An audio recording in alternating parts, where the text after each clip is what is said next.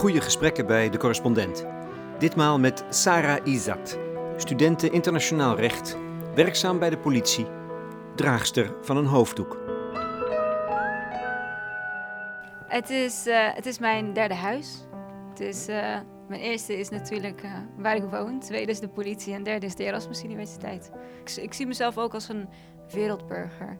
Niet per definitie een, een, een vrouw van Koerdische afkomst uh, die in Nederland in is uh, getogen, met, hè, een islamitisch is. Ik ben veel meer dan dat. Ik uh, bevat veel meer componenten in mij dan wat men ziet en wat men hoort. Dus daarom vind ik die verbinding met mensen zo belangrijk. We zitten op de 19e etage van de Erasmus Universiteit in Rotterdam, haar derde huis. Een koffiecorner van de rechtenfaculteit. De stad is gehuld in de mist, om ons heen het geroezemoes van beraadslagingen. Tegenover mij zit een jonge vrouw met fonkelende diepbruine ogen en een hoofddoek. Ze werkt al een paar jaar bij de Rotterdamse politie, maar als ze een uniform wil gaan dragen, moet ze die hoofddoek afdoen. En dat heeft ze voorgelegd aan het College voor de Rechten van de Mens. De uitspraak is met een week uitgesteld. Intussen zoekt Sarah doelbewust de publiciteit bij de Volkskrant, RTL Late Night, de correspondent tussen de bedrijven van de studie door. En als het moet, als het erop aankomt, dan ga ik me, kan ik me ook volledig uh, afsluiten van de buitenwereld en mij focussen op wat ik echt moet doen. De professoren zijn uiteraard op de hoogte van de zaak. En ja, dit is al haar tweede master. De eerste haalde ze twee jaar geleden in het staats- en bestuursrecht. Aan ambitie geen gebrek. Um, vorig jaar heb ik een uh, gap year genomen. Ik ben uh, gaan stage lopen. Waar? Waar? Ook bij de politie uiteraard. Uh, bij internationale betrekkingen, want ik heb wel internationale ambities. Um, als kind zijnde wilde ik uh, minister worden van Buitenlandse Zaken. En ik geloof dat dat nog steeds een beetje in mij zit. Ik vind dat diplomatieke, dat overleggen, verbinding maken, vind ik heel erg belangrijk. Hè? Rond de tafelgesprekken hebben. Want met praten los je gewoon veel meer op dan uh, nou ja, wat je helaas in de wereld ziet. Hè? Geweld en, en, en boze mensen. Dat moeten we niet hebben. Um, dus ik, ik dus diplomatie, dat zei dat, Ja, precies. Dat, ja, ik, ik heb te weinig aan één leven. Ik moet er meerdere hebben om al die ambities waar te maken. Promoveren hierna? Uh, misschien wel. ja, Zou me niet verbazen ja, hoor. Ja, ik kom van het LWO. Um, dat ja, LWO is? Ja, dat is het lager onderwijs, zeg maar, um, waar je fetus leert strikken, bij wijze van. Um, uh, een... Wacht even, jij bent intelligent. Hoe kwam je dan daar terecht? Ja, dat heeft meer te maken met een hele lastige jeugd, helaas. Ja. Uh, instabiliteit. Uh, waardoor je ook niet echt als kind zijnde uh, kan ontwikkelen. kan je dat, wat houdt dat dan in, instabiliteit? een kind heeft um, stabiliteit nodig. In die zin huisvesting. Ouders die luisteren. Die meedenken. En geloven in de toekomst van hun, kind, uh, van hun kind. Um, dat was in mijn geval niet echt helemaal uh, zoals het hoort. Um, mijn ouders zijn uh, gevlucht. Eerst mijn vader in 1996. Hij vocht tegen het regime van Saddam. Um, en in 1999 heeft gezinshereniging plaatsgevonden. Ik heb daarvoor heb ik nog een tijdje in uh, Damascus in Syrië gewoond. Dus ik heb nog heel veel sympathie met Syriërs en met die vluchtelingen die nu in Nederland zijn. Um, ja, het, het, contact of in ieder geval de relatie met mijn vader was uh, ja, helaas niet heel goed. Um, Hoe kwam dat? Want hij is vluchteling. Was hij getraumatiseerd?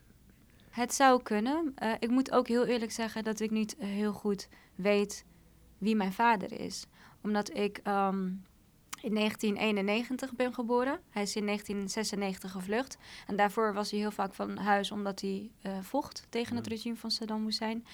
Um, en in 1996 is hij gevlucht, 1999 herenigd.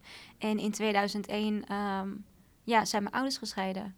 Dus ik weet niet zo heel goed wie mijn vader precies is. Of uh, hij getraumatiseerd is. Of dat dat zijn persoonlijkheid is. Als jij mij nu zou vragen wie is je vader, zou ik ja, eigenlijk daar geen antwoord op kunnen geven. Heel spijtig. Het is niet zo gek dat jij inzet op verbinding dan, denk ik. Ik vind dat heel belangrijk. Daar begint het mee. Ja, maar is ook een antwoord daarop, denk ik toch? Op ja. iets wat je ook heel erg gemist hebt, denk ik. Um, kijk, ik heb een hele sterke moeder. Ik heb een hele sterke moeder die tegelijkertijd ook een vader voor mij is. Het is ongelooflijk hoeveel die vrouw aan kracht in haar heeft. En wat zij wel altijd heeft gezegd is: je studie, je studie, zorg ervoor ehm, dat je je studie afmaakt. Je studie is eh, jouw huis, de veilige omgeving, jouw vader, jouw familie. Ehm, mijn moeder zegt ook altijd: je bent niet, uh, je bent niet homeless als je geen huis hebt. Maar je bent homeless als je niet de juiste papieren hebt om ergens te komen, te werken, iets terug te doen voor de samenleving. Want ik heb ongelooflijk veel gekregen van Nederland. Ik heb een dak boven mijn hoofd. Ik heb. Uh, kijk, kansen zijn er. Je moet ze zien, je moet ze grijpen. Dat heb ik gedaan. Um, en ik ben blij dat die kansen ook op mij van toepassing zijn geweest. Hè? Dat mensen mij ook uh, hebben laten zien van, joh, dat kan je ook doen. Kijk eens verder. Kijk eens ook de andere kant op. Maar niet meteen. Want je zat eerst in dat ja. lagere veterstrikken ja. in het LWO. Ja. ja, nee, maar dat komt allemaal zodra je zelf een eerste stap zet komen mensen naar je toe. Want mensen zien dat jij je best doet. Ze zien dat jij ambities heeft. Dat jij graag wil verder groeien. En dat je, dat je iets wilt betekenen voor de samenleving. Ehm, dan zijn mensen ook sneller bereid om jou te helpen. Kijk, niemand rolt hè, gelijk de rode loper voor je uit. Dat gebeurt nu nog steeds niet. Maar ik zorg er wel voor dat ik altijd een rode loper bij me heb. hè? Dus dan rol ik die voor mezelf uit. Maar dat is belangrijk, dat mensen dat ook beseffen. Van ik ben altijd verantwoordelijk voor mijn eigen acties. Ja. Gezinshereniging is dus nooit zomaar gezinshereniging hè? in dit soort uh, familiegeschiedenissen. Er zit een tragische kant aan, denk ik. En dan heb je dus door Nederland gezworven. Ja, ja nou Rusteloos. gezworven niet echt. Ik zie het meer als een reis. Heb je nog herinneringen aan, aan Noord-Irak, aan Koerdistan?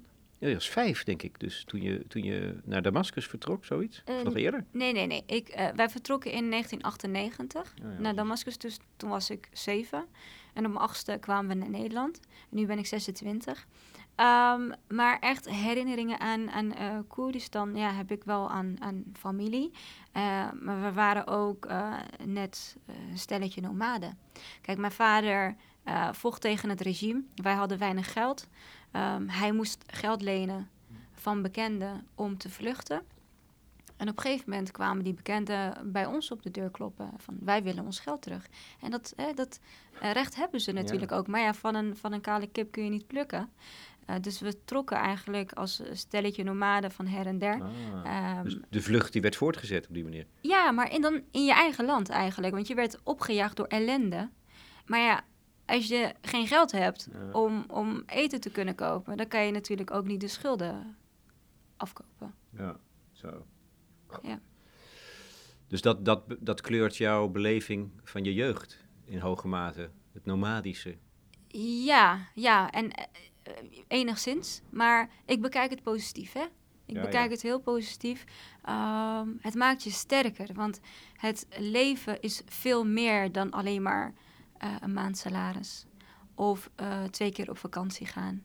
Of twee auto's voor de garage of in een garage hebben staan. Het leven is zo ongelooflijk uitdagend. En je wordt van allerlei kanten uitgedaagd om te overleven. En ik vind dat een uitdaging. Um, en ik uh, stel me al dus als, me als, meisje, als meisje, als klein Kijk, meisje. ik was natuurlijk, ik was vijf, zes. Ja, ik ben me daar natuurlijk niet van bewust. Nee. Maar ik kan, ik kan me niet anders voorstellen op dat moment. ik denk dan, oh, we gaan weer verhuizen. We moeten weer weg. En we gaan weer naar die oom en tante toe. Uh, dus ja, het is ook wel, voor een kind is het ook wel spannend. Ja. En maar als je dan kijkt, als je dan in Syrië komt... en ik had in mijn eigen land, in, in Noord-Irak, had ik nooit geschommeld. En een van de dingen waar ik nog steeds zo ongelooflijk blij mee ben... is dat ik heb leren schommelen in Damascus. En dat is ook wat ik heel graag zou willen terugdoen voor dat volk. Uh, speeltuinen bouwen in Damascus. Weet je, dat is ook een droom die ik zo graag wil waarmaken. Omdat je als kind zijnde een eerste drempel hebt overwonnen. Hoewel dat natuurlijk, het is gewoon, hè. Ik bedoel, je hebt hier hele hoge achtbanen. En daar leert een kind pas op achtjarige leeftijd schommelen. Het is een wereld van verschil. Het is een ontroerend beeld schommelen in Damascus. Ja, ik heb daar nog een foto van. Ja, het is echt eh, heel die, mooi. Die gaat je hele leven met je mee, zeker. Zeker, zeker, zeker.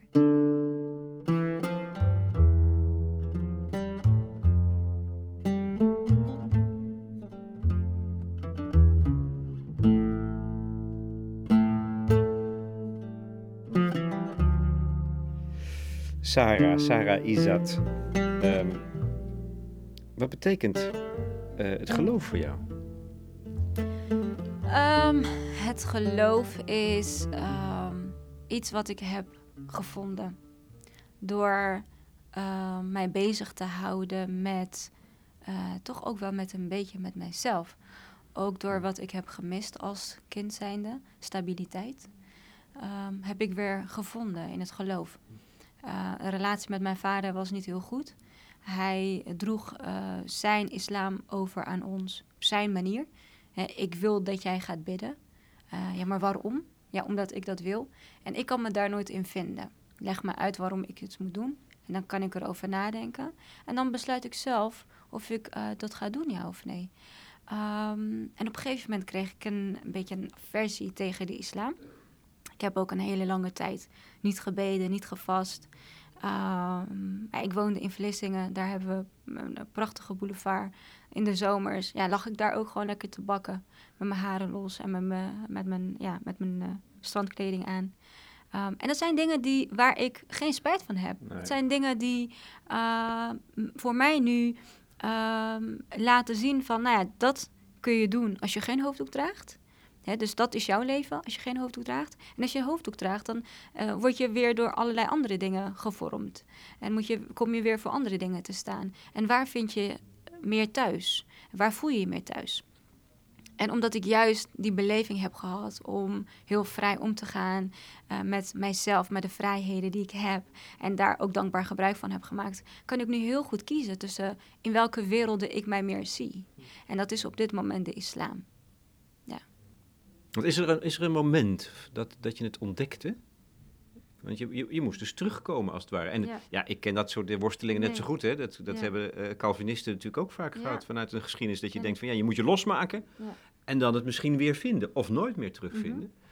Mm -hmm. um, kijk, mijn moeder is uh, een gelovige vrouw geweest. Maar zij heeft nooit gezegd, joh, je moet. jij moet. Nee, dat niet. Het is altijd, dit is de islam. Um, ik zou het fijn vinden als je weer ging bidden. Maar zij heeft het nooit opge opgedrongen. En dat is wat ik enorm waardeer. En wat ik uh, vaak ook mis hè, bij, uh, bij uh, moslims in het algemeen. Um, geloof is iets persoonlijks en dat moet je grijpen. geloof is ook een, betekent ook een zuivere intentie. Want uiteindelijk geloof ik ook dat je wordt beoordeeld op basis van je intentie. Draag ik mijn hoofddoek omwille van God? Of draag ik mijn hoofddoek omdat ik van het gezeur thuis wil af zijn? Hè, dan je kan nog steeds een hoofddoek dragen, maar met een andere intentie. dus dan kan je het beter niet doen. Want dan uh, ben jij zelf niet gelukkig met je keuze. En dat is wel het allerbelangrijkste in mijn ogen. Dat jij achter je keuze staat.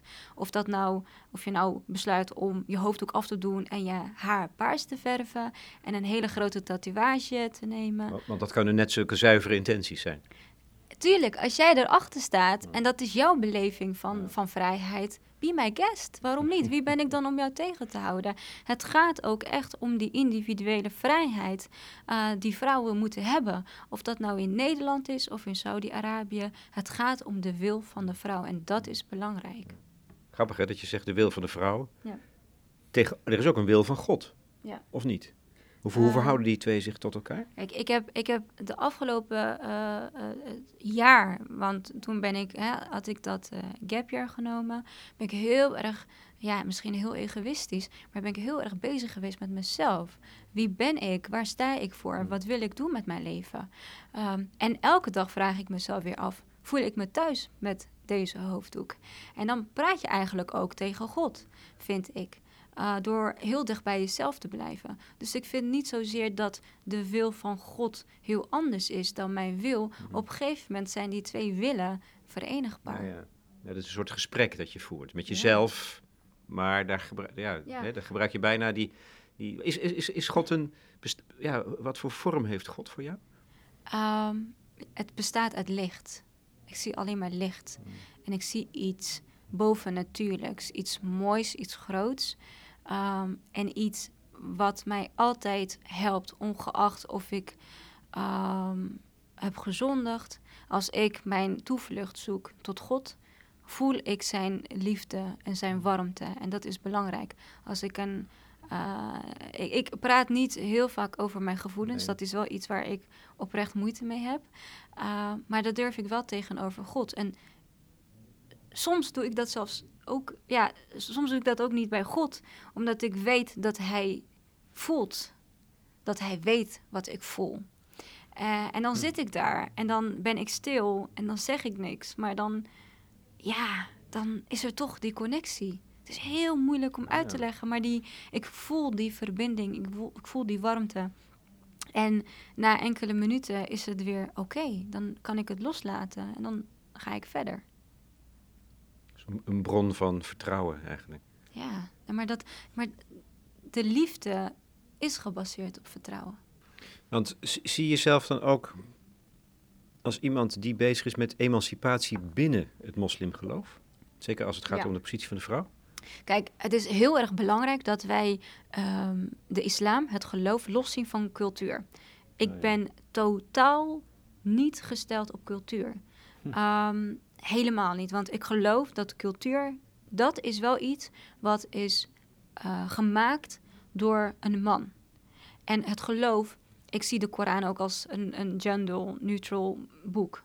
Maar wat men wel vaak heeft gedaan, en dat is echt iets wat je terugziet in de geschiedenis, is dat deze twee, de cultuur en het geloof, samen zijn gemengd. Ja. Meestal door een, eh, door een, ja, een geleerde. In jouw ogen heeft de cultuur bezit genomen van het geloof. Precies, en zo ervaar ik dat. En daarom kan ik heel erg ehm, eh, mijzelf zien eh, als, een, als een moslima. Want ik geloof niet Mm. dat God mij eh, rechten afpakt of afneemt, maar het voegt iets toe Ja. aan mijn vrouw zijn. Als je ook kijkt bijvoorbeeld naar de vrouw van de profeet vrede zij met hem, Khadija. Zij was een eh, marktvrouw. Zij was een van de grootste eh, handelaren en zakenvrouwen eh, in die periode en in dat gebied. Maar als je kijkt bijvoorbeeld naar de cultuur, de huidige cultuur, ja, dat is soms beschamend hoe men omgaat met vrouwen. En in, wat dat betreft, ehm, op het gebied van cultuur, moeten we meters maken. Ja. Waarom kies je er dan voor om een hoofddoek te dragen? Mhm. Terwijl dat voor mij misschien ook nog wel een beetje juist een teken is van de cultuur. Ehm, ik baseer mij niet zozeer op de cultuur. Absoluut niet. Als en je, dat is als je die hoofddoek draagt. Precies. Want ik heb niet gekeken naar wat zegt mijn cultuur over de hoofddoek. Ah, ja. Want als je kijkt naar mijn familie, mijn zus en ik eh, zijn de enigen die een hoofddoek dragen. Wij zijn ook de enige eh, van de familie, van mijn moeders kant dan, die in Nederland wonen. De rest woont allemaal in Noord-Irak, in Koerdistan. Ehm, dus wij, en Koerden staan eh, over het algemeen ook niet bekend eh, met, hun, met, met, met geloof, hè, maar meer met heel erg een, een streven naar onafhankelijkheid, Ja, ja. no matter what. Ehm, hè, en nou, daar ben je ook een voordeel, voorbeeld van, volgens mij. Nou ja, ik ben, wat dat betreft ben ik wel heel erg trots op mijn roots. Ja. Want die vrouwen daar, die zijn, die zijn mijn voorbeeld. Absoluut. Als je het hebt over vrijheidsstrijders, als je het hebt over feministen, als je het hebt over vrouwen die staan voor gelijkwaardigheid tussen man en vrouw en, strij- en strijden voor hun rechtvaardigheid, dan ja, precies. Dan ben ik trots op mijn roots. Absoluut. En op die vrouwen. Ehm, maar om, om het verhaal eh, Ja. af te maken. ehm, de hoofddoek heb ik gedragen nadat ik mijn ehm, weg weer heb gevonden eh, naar de islam. Ik heb mij volledig gefocust op, oké, ik zie, ik zie mijn, mijn, mijn eh, verbinding met God zie ik als een relatie. En ik, ga, ik wil God tegemoet komen. Eh, en hoe ga ik dat doen? Ik wil graag in verbinding blijven met God. Ik wil graag zijn tevredenheid over mij. Maar ik wil daarnaast ook eh, heel graag voldoen aan, ehm, aan die plicht. eh, die ik vrijwillig op een hele vrijwillige basis ben aangegaan. Dus het heeft verder niks met eh, de cultuur te maken of met een onderdrukking vanuit mijn cultuur of vanuit mijn familie. Absoluut niet. Het is zelfs heel grappig, want niemand uit mijn familie heeft mij gefeliciteerd toen ik een hoofddoek ben gaan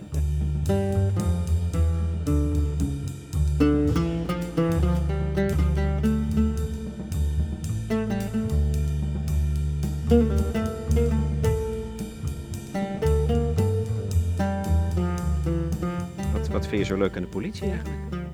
Zoveel. Ja. Zoveel. Ja. Ehm, de politie is onmisbaar in de samenleving. Niet zozeer omdat er heel veel strafbare feiten gebeuren, maar omdat zij ehm, veiligheid uitstralen. wij zijn er voor u. Uh, en als u in nood uh, bent, kunt u op ons rekenen. Um, en dat is zo ongelooflijk gaaf dat ik daaraan mag bijdragen. Ja. Hm. Laatst had ik bijvoorbeeld een gesprek van een mevrouw die uh, zat met autopech op de A16. Um, nou ja, die vrouw die had al met 1 en 2 gebeld. Um, en um, belde later terug met ons om te vragen wanneer de wegen worden afgesloten. Wanneer de borden die wegafsluitingen aangeven. en dat was nog niet gebeurd. Dat gebeurt uiteindelijk eh, door de Rijkswaterstaat. Uh, maar dat duurt gewoon enkele minuten. En op een gegeven moment zeggen, joh mevrouw, um, is, het, is het helder voor u? Of wilt u liever aan de lijn blijven? Of wilt u liever dat ik aan de lijn blijf uh, met u tot mijn collega's gearriveerd zijn? Nou, ik vind het toch wel fijn als we nog even in gesprek blijven. Uh, nou, prima. Hè, dan dan uh, hou je deze mevrouw nog vier à vijf minuten aan de praat. Door eigenlijk te vertellen, nou, ik zie dat u een melding hebt gemaakt. Ik zie dat u op de A16 staat. U heeft autopech. Waar staat u? Denk eerst aan uw eigen veiligheid. Heeft u de knipperlichten aanstaan? Um, waar was u eigenlijk naartoe? Wat gaat u doen? Wat zijn de plannen voor vandaag verder? Um, nou, hartelijk dank voor het gesprek. Ik ga, uh, ik ga met uw collega's verder.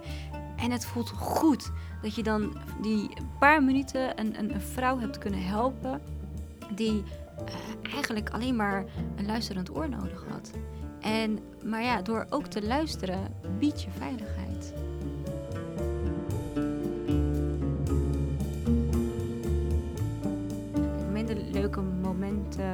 In ieder geval minder leuke momenten in de werkzaamheden, zijn als mensen bijvoorbeeld uh, bellen wegens een zedenzaak. Iemand uh, die 30 is en die belt over een uh, gebeurtenis 13 jaar geleden. Of bijvoorbeeld als ik een huilende moeder aan de lijn krijg omdat zij het huis is uitgezet door haar zoon. En omdat zij haar zoon ziet ja, ziet veranderen voor haar ogen in een, in een junk, in iemand die zij totaal niet herkent. Ehm, of vrouwen die uh, mishandeld worden. Maar wat ik nog pijnlijker vind, is vrouwen die vaker mishandeld zijn en terugbellen om een afspraak te annuleren. Nou, dat gebeurt bij mij echt niet. Echt niet. Wat doe je dan? Um, ik probeer die vrouwen toch wel te overtuigen. En als ze nog steeds heel vastberaden zeggen: nee, ik wil geen aangifte doen, dan vraag ik of ze alsjeblieft een mutatie willen maken. En een mutatie betekent dat je naar de politie gaat om je verhaal te vertellen. Dat wordt geregistreerd in het uh, politiesysteem en dat wordt niet doorgestuurd naar het Openbaar Ministerie. Dus er wordt vervolgens niet een, de zaak wordt niet vervolgd door de officier van justitie. Um, um, maar dat is wel heel erg belangrijk, dat die vrouwen de stap zetten om in gesprek te gaan met de politie. Want vaak zijn ze gewoon bang. En als wij aanbieden van, joh, oké, geen aangifte, maar een mutatie, um, dan doet dat al heel veel aan uh, die uh, zelfverzekerd, dat zelfverzekerd gevoel van een vrouw. Maar ook bijvoorbeeld uh, met uh, Oudjaarsnacht dat mensen dan uh, bellen om de politie te bedanken en hen een uh, goed, jaar, goed nieuwjaar te wensen. Ja, dat is uh, hartverwarmend. Maar ook hele grappige meldingen zoals... mevrouw, ik heb, ik heb laatst een bekeuring gekregen van de NS. Wanneer krijg ik die binnen? Ja, dan, denk ik, dan belt u toch met de NS. ja, dat zijn, dat zijn wel dingen waar wij soms een beetje om moeten lachen. Ja.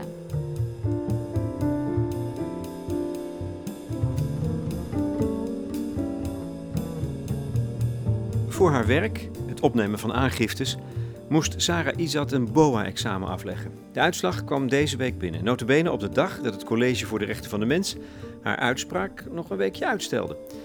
En jawel, ze is geslaagd. Ze is nu officieel buitengewoon opsporingsambtenaar. Ze mag mensen staande houden. Maar nog steeds alleen zonder hoofddoek. Wat vindt ze het lastigste in het verweer van de politie? Nou, ik, ik kan het ongelooflijk goed vinden met mijn collega's en met het sectorhoofd. Ik uh, heb die man ongelooflijk hoog zitten. en het contact is gewoon prima. En ik ben op dit moment in een uitzonderingspositie uh, ja. gezet om uh, mijn hoofddoek te dragen. in combinatie, nou ja, niet in combinatie met, met het uniform, maar met mijn burgerkleding. Um, nou ja, en toen het college vroeg van maar dat is toch ook niet toegestaan. En toen mijn collega, toen mijn collega het sectorhoofd zei dat was een vergissing, ja, dat vond ik wel even pijnlijk. denk ja, maar nee, nee, dat is niet zo. Ik, jullie het is geen vergissing. nee, jullie vinden mij een geschikte kandidaat. En jullie willen mij niet onthouden van de opleiding. Jullie zien mijn ambitie, jullie zien mijn um, liefde voor de organisatie. En jullie willen mij daarin tegemoetkomen. Ik zie dat niet als een vergissing. Ik zie dat als, um, ja, hoe kunnen we het beleid en de ambitie van jou en de ambitie van de politie om diverser te zijn te verenigen. Ja. ja. En dan moet het college dus de vraag beantwoorden of er een mensenrecht geschonden is. Ja, ja, ja. Artikel 6 van de grondwet. Ja. ja. en als, er, als jij geen gehoor krijgt, wat gebeurt er dan eigenlijk? Kan je dan bij de politie blijven werken? Uiteraard kan ik bij de politie blijven werken, maar um, naast het feit dat ik dit vraagstuk heb aangekaart bij het College voor de Rechten van de Mens, is een ander doel geweest. Die dialoog, hè, die open dialoog op gang brengen. En dat is volgens mij wel gelukt. dus uh, ik, kan, ik zie mijzelf niet als een verliezer.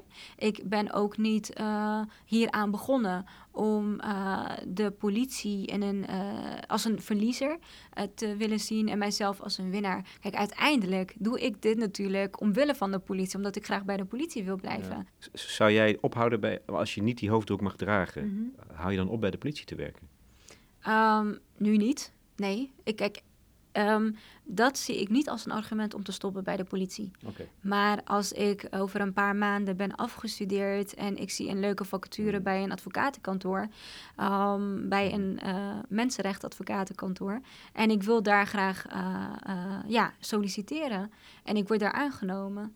Ja. ja. Dan, ja. ja. Nee, maar goed, maar dan, als je dan tot, tot zover, tot dat zover is, nee, maar dat is... Dan, zou je, dan zou je wel blijven werken, maar, zon, maar zonder hoofddoek dus, begrijp Nee, wel gewoon met hoofddoek. Absoluut, met hoofddoek. Ja, nee, maar dat is ook toegestaan. Het gaat echt alleen om, het, om een onderdeel van mijn werkzaamheden... die ik op dit moment niet kan, uh, mag, of kan, ja, mag uitvoeren vanwege de hoofddoek. Maar in principe kan je gewoon nog steeds je werk doen. Maar dan kan je niet de hele functie uitoefenen zoals het eigenlijk in de functieomschrijving staat. Het, gaat, het gaat om acceptatie, het gaat om tolerantie. Uh, kijk, uh, Nederland kent een, een, een, een poldercultuur. En daar, in die cultuur kan ik me vinden niet in al die andere culturen, maar in die cultuur kan ik me vinden. Um, weet je, overleggen, praten, koffie drinken en je komt er wel uit. Als je maar de wil hebt en ehm, iemand ander de mogelijkheid geeft om ehm, hun, uh, haar kant van het verhaal te doen. Van joh, dit is de gedragsregel. Wat vind jij dat moet veranderen? En dat betekent niet dat het gaat veranderen, maar laten we naar elkaar luisteren. Ik denk, ze zijn gek bij de politie. Dat als, jou niet, als je jou niet... Nee, maar je bent natuurlijk een, een perfecte rolmodel. En ze moeten diversiteit hebben. En ze zitten in een stad met allemaal verschillende geloof. Ja. Hoe haal je het in je hoofd? Als ik even uh, boos mag zijn hierover, want dat, dat, wil jij niet, dat weet ik heus wel. Maar ik mag het wel. uh, uh, doe alles om jou te behouden voor de organisatie. Nou ja, kijk, dat doen ze ook wel. Kijk, ik voel me echt wel geaccepteerd en ook gewaardeerd. Want um, ik word ook echt wel betrokken bij allerlei vraagstukken die betrekking hebben op dit soort thema's. Bijvoorbeeld al bij het antecedentenonderzoek. Hoe kunnen we omgaan met collega's die uh, een biculturele achtergrond hebben? Wat voor vragen moeten we dan stellen? Want tijdens zo'n onderzoek worden hele persoonlijke vragen gesteld. En mensen kunnen daar wel eens van schrikken. Um, en daar, daar wordt mijn mening gevraagd. Ik zit ook in allerlei netwerken. Ik heb, uh, ik heb contact met geweldige collega's. Het is een prachtige organisatie om voor te werken, dan ben ik oprecht. Nu je naar buiten treedt en je weet niet wat er nog allemaal naar buiten komt, ja. um, krijg je ook iets anders over je heen. er is een, soort principiële discussie mhm. over de, de, mensenrechten en het principe. Ja. Maar dan, dan komen er ook mensen bij, en ik noem dat de angst- en de terreurlobby. Die zien alles wat met islam te maken hebben in, het, in het licht van terreur. Ja. En uh, sharia en uh, Nou ja, strijd. Jij met jouw hang naar liefde en verbinding en licht. En hoe hou je dan stand met een, met een, met een vredig gemoed? Soms, dat doet mij wel pijn. Als ik dan zie dat mensen zeggen: um, Ja, jij bent ISIS. denk ik: Ja, maar het zijn mijn vrouwen die verkracht worden, vernederd, verhandeld, uh, mishandeld. Je, er gebeuren zulke nare dingen met Koerdische vrouwen. Ehm, en het zijn, ja, mijn roots liggen daar wel. En ik heb zelfs familieleden die tegen ISIS vechten. Dus het is niet, oh, het is allemaal één pot nat. Hè? Een, een, een koe is een dier, maar niet elk dier is een koe. Uh, dus ik, ik, ben, ik ben een moslim, Ab absoluut. Maar het is een belediging om mij te zien als een ISIS-lid of te zien of te denken dat ik enigszins sympathie heb voor die groep. Absoluut niet. Want dat is, dat is wat je als strategie kunt hanteren, die emoties laten betijen. Waarom lopen die emoties toch zo hoog op? Waarom zijn mensen zo boos en zo, zo vijandig? Ik begrijp het echt niet.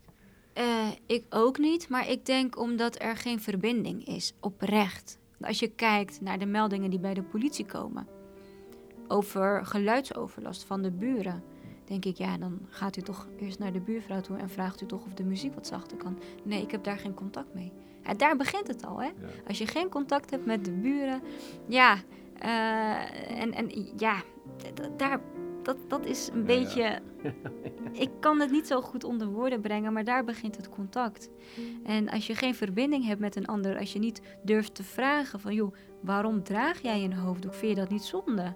Als jij die vraag niet um, uh, stelt aan een ander, dan ga je zelf antwoord geven. En het antwoord wordt natuurlijk versterkt door het beeld dat de media uitzendt. En dat is het gevaar. Waarom, die, um, waarom er zoveel angst is naar moslims toe en naar vrouwen toe met een hoofddoek.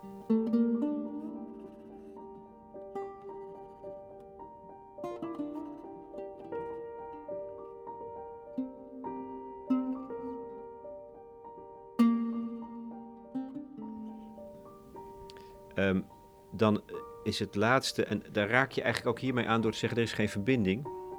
Wij leven in een individualistische maatschappij. Ja. Veel vrouwen, die een, uh, zeker vrouwen, maar ook jongens, die een uh, biculturele achtergrond hebben, ja. die ervaren aan de lijf een soort botsing. Mm. Hè, tussen de ene cultuur, die een wijcultuur is, het collectieve, het gemeenschappelijke, waar jij duidelijk enorm ook van houdt. En, en daartegenover het individualistische. Kunnen dat niet met elkaar rijmen?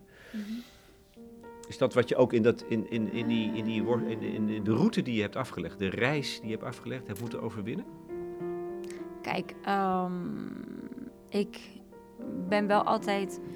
Um, ik denk dat mensen een hele belangrijke stap hebben overgeslagen. En dat is de vraag stellen um, en heel eerlijk zijn naar hunzelf uh, om te kijken wie ze daadwerkelijk zijn.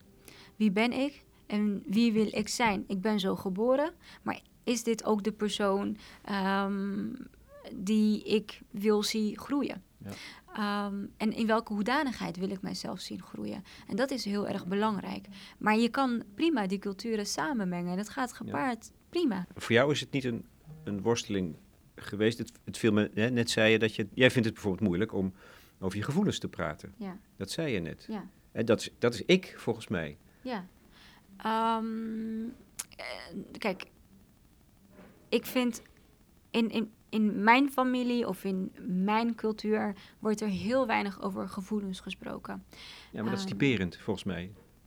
Um, dat is, geldt echt niet alleen voor de Koerdische of de Noord. Nee, echt niet. Nee, nee nou oké. Nou ja, misschien is dat een geruststelling, I don't know. Maar ik vind wel, uh, daar, zie ik een, uh, daar zie ik ontwikkeling voor mezelf. Om vaker uit te leggen wat, hoe ik me voel bij um, nou, bij een situatie, wat er is gebeurd. Of over het verleden durven te praten. En ook echt de vinger op de zere plek durven te leggen. Um, dat zijn dingen die ik soms een beetje lastig vind. Maar ik zie wel dat het steeds beter gaat. En dat komt omdat ik mezelf daarmee confronteer. Kijk, mijn, mijn verleden is een, is een koers. Um, het, voor, de, voor, voor de toekomst. Niet zozeer van, oh, het was een hele nare verleden, dus de toekomst zal ook zo zijn. Nee. Um, kijk, dit is, dit is de, de nare kant van het leven. En dat uh, is gegaan zoals het was. Maar nu um, heb jij het recht en heb jij het vermogen om de toekomst voor jezelf te bepalen. Ja. De vraag is dan, welke toekomst zie jij voor je? En wil je het beste uit jezelf halen? Ja, ja. dat kan. Dat, dat vergt zelfkennis. Het is mij een eer om met de toekomstige minister van Buitenlandse Zaken gesproken te hebben. ja, het eerste is geheel wederzijds. Echt wel, zeker. Heel erg bedankt uh, voor dit gesprek en voor de uitnodiging. Ja, ja, ja, ja oké, dat is beleefd, dat is beleefd. Wanneer ben jij minister? Um, nou ja, eerst mijn, uh, mijn scriptie afronden, dit jaar afronden. En daarna ga ik uh, in gesprek, conclave met het ministerie van Buitenlandse Zaken. Ja. Sarah, dankjewel en succes met alles wat je doet, zeker op die reis die jij aan het maken bent. Dankjewel, dat was mijn eer.